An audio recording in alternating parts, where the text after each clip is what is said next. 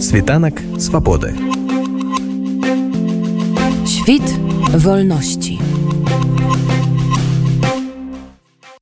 дарацца па парламенцкім супрацоўніцтве і канстытуцыйнай рэформе офісу святланы ціхановскай Анатолля бедька назваў мінулы год цяжкім але адзначыў што праца дэмакратычных сілаў была плённай па некалькіх важных міжнародных накірунках а таксама хутарачы заленай прыходзькай на ўласным прыкладзе распавёў што можна зрабіць што можа зрабіць кожны беларус каб палегчыць палітвязням жыццё. Гутарку слухайце калі ласка далей год цяжкі няпросты складаны для ўсіх нас. Я думаю что гэта год натуральна у цёмную і светлыя полоскі толькі як ніколі чорная цёмная полоса была такой шырокай і тлустай хацелася б каб светлых было больш что датычна вынікаў працы ну так я пазіцыяную сябе як частка камандай прыхільнікаў перамены Светланы ціхановскай імкнуўся не выплываць за берагі некалькіх накірункаў дзейнасці. Першая гэта пазітыўная альтэрнатыва для новой Беларусі. Я застаюся чальцом фракцыі аптымістаў веру у тое что перамены прыйдуць і да гэта мы мусім быць падрыхтаваныя. Таму працавалі над проектам канстытуцыі новой Беларусі пачалі працу над законапраектамі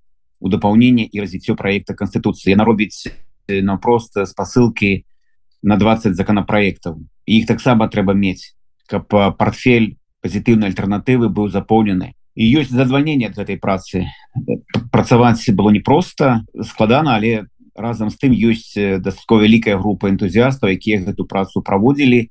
Ну і наколькі было магчыма ў сітуацыі ператварення Беларусі такі мадэрновы канцлагер працаваць і, і ўнутры нават краіны. Другі накірунак гэта праца по стваренню груп за дэмакратычную Беларусь у нацыянальных парламентах. У 13 парламентах такія групы ёсць.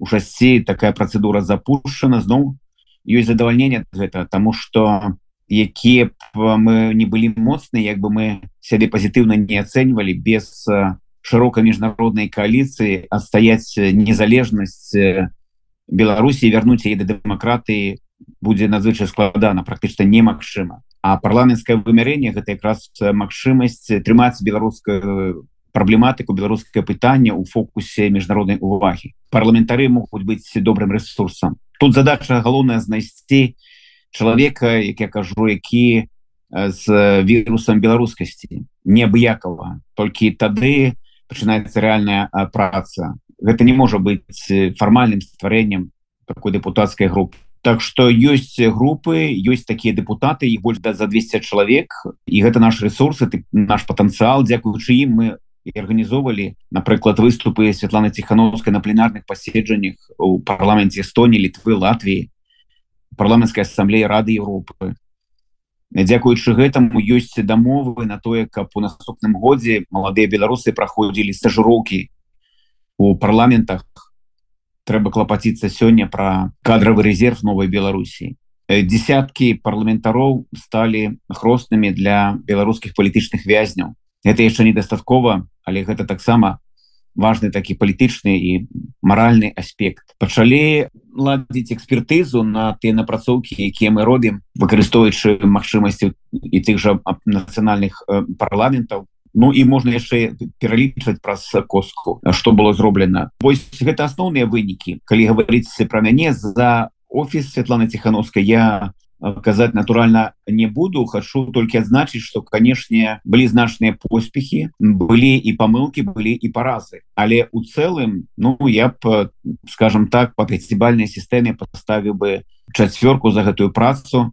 Самые такі выніковыя гэта міжнародны накірунак там 80соткаў міжнароднай дзейнасці Беларусі забрала команда Святланы ціхановскай і гэта вялікі плюс. Ну на 100соткаў ну так скажем 95соткаў забрали легітымнасць у лукашанкі гэта таксама вельмі значны такі поспех. Пашлося рэфармаванне інфраструктуры дэмакратычнай апозіцыі прыхільнікаў пераменаў створны пераходны кабінет завершается праца по рэфармаванню каардынцыйнай рады. Я думаю что тут келіх хутчэй за ўсё на палову запоўнены чым пусты ёсць нейкая аснова база якая закладзена ў гэтым годзе каб працаваць у наступным. Ну канешне галоўная падзея года гэта вайна.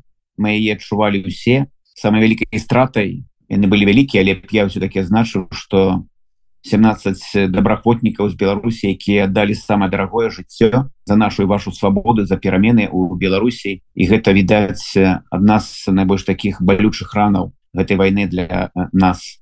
Но натуральна праблема палітычных вязняў застаецца адной з найбольш вострых ёсць дыскусія нема рашэння гэта пытанне гэтай праблемы Ну і пра лічбы калі мы говорим лічбы яны все ж такі такія самотныя нельга не сказаць что вот по выніках гэтага года мы фіксуем что у беларусі по данных правоабаронцаў на сённяшні дзень 1448 палітычных вязняў і мы разумеем что гэта далёка не поўны спіс.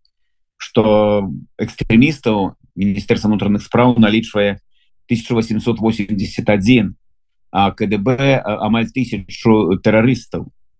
Ну вот гэта дасягненне беларускага рэжыма за гэты год разам з тым яшчэ трэба значыць что там прыкладна 1800 неурадавых арганізацый ліквідаваны альбо запушаны працэс по іх знішэнню. А разам з тым калі ты стаў беспрацоўным то табе дзе дзяржава гарантуе мінімум 32 рублі а максимум 64 такі клопат про беларусаў. Амаль 5соткаў падзення валовага унутранага продукта это самое высокое падзенне нават у еўразіяцкай прасторы. Ну, это такія лічбы якія гавораць усё ж такі выразна про тренды якія у нас ёсць. Галоўны тренд это тренд на войну а не на эканоміку. І констатую як галоўны вынік у беларускага режима няма ніводнай ідэі ніводнага проекта с таким моцным пазітыўным зместам. Галоўная ідэя гэта гэта война і таму калі у России и Украине адбываецца кансалідацыя людзей вакол сцягаў якімі з'яўляюцца кіраўнікі дзяржаў. Краіне гэта навогул фантастычныя лічбы амаль там 95соткаў кансалідаваны вакол зяленска які з'яўляецца сцягам надзеі змагання веры. Ну у Пуціна больш такія э, лічбы памяркоўныя не, не такія выразныя але большасць все-таки кансалідавана вакол гэтага сцяга под назвай і Путін толькі яны скіраваны на захоп на войну на гвалт.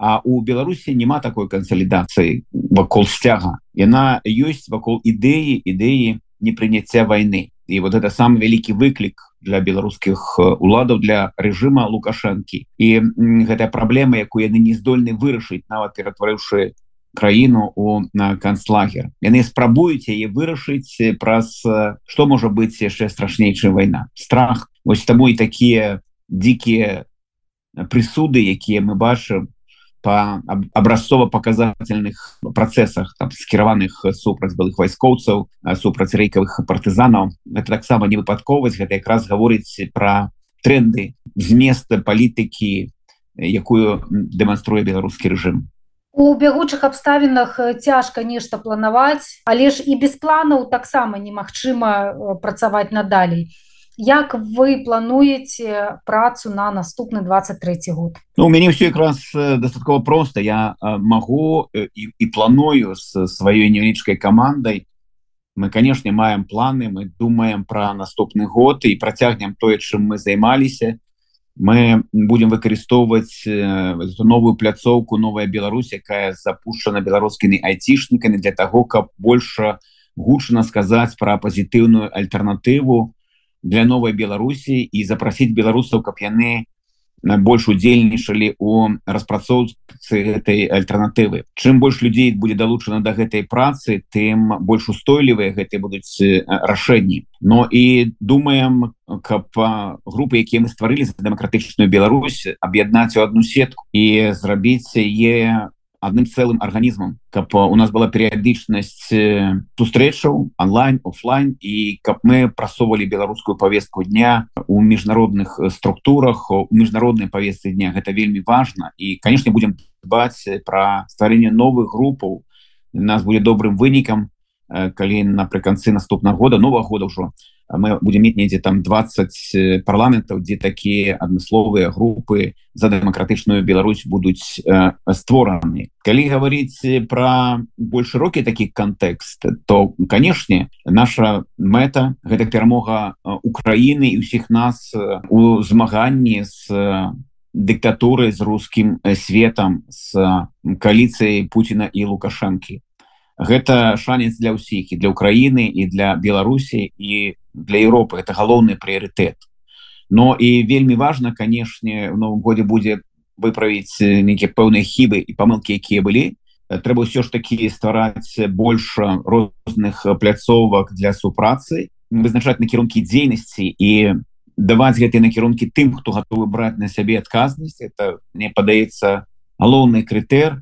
Калі ты нешта робіш нясеш адказнасць і ёсць крытэры ацэнкі твою эфектыўнасць эфектыўнасць якая проявляецца праз вынікі тваёй дзейнасці яны падкрэсліваюць бы скіраваны на тое каб захаваць Беларусь як незалежную краіну каб вярнуць дэмакратыю свабоду у Беларусь каб вызваліць нашу краіну ад акупацыі і лукашэнкі і Пуціна вот на гэта трэба працаваць это тыя задачы якія ёсць у на павесцы дня вы узгадалі што пэўная сувязь з беларусамі ўнутры краіны у вас існуе. Якая яна наколькі яна трывалая? Ну практычна няма дня каб я не меў некай камунікацыі з кімсьці з тым хто застаецца ў беларусі. Большасць прыхільнікаў пераменаў засталіся ў краіне. І могу сведчыць па выніках гэта года что іх стаўленне до того что адбываецца ў краіне не змянілася лукашенко не павялічыў колькасць сваіх прыхільнікаў колькасны склад свайго фан-клуба не ні на одну асобу. Так большасць людзей жыве со страхам але гэта не азначае что яны любяць гэтую уладу что яны паважаюць. Таму камунікацыі ёсць і ёсць спробы супрацы. Ну мы напрыклад арганізавалі напрыканцы гэта года некалькі абмеркаванняў розных праектаў прыватнасці. Законна-палітычных партыях дарэчы улада вось падрыхтавала свае змены якія фактычна ну, у нас і так была нейкая незразумела шматпартыйная сістэма а зараз яна ператвараецца просто у один асобны аддзел адміністрацыі чырвонага дома. Не, не будзе ніякай шматпартыйнай сістэмы. Але вось мы что зрабілі разам з палітычнымі партыямі якія яшчэ захоўваюцца ў беларусі і захоўваюць рэгістрацыю мы распрацавалі наш альтэрнатыўны э, проект закона палітычных партый і вось зараз калі людзі палітычна неангажаваныя ім будуць расказваць нейкую казку про закон які падрыхтавалі беларускія ўлады то у нас ёсць магчымасць пасля вот нашай супрацы структурамі внутри беларусі прапанаваць альтэрнатыву сказаць люди вы просто паглядзіце вы просто расплюшыце вушы паглядзіце что прапануе режим і что э, даюць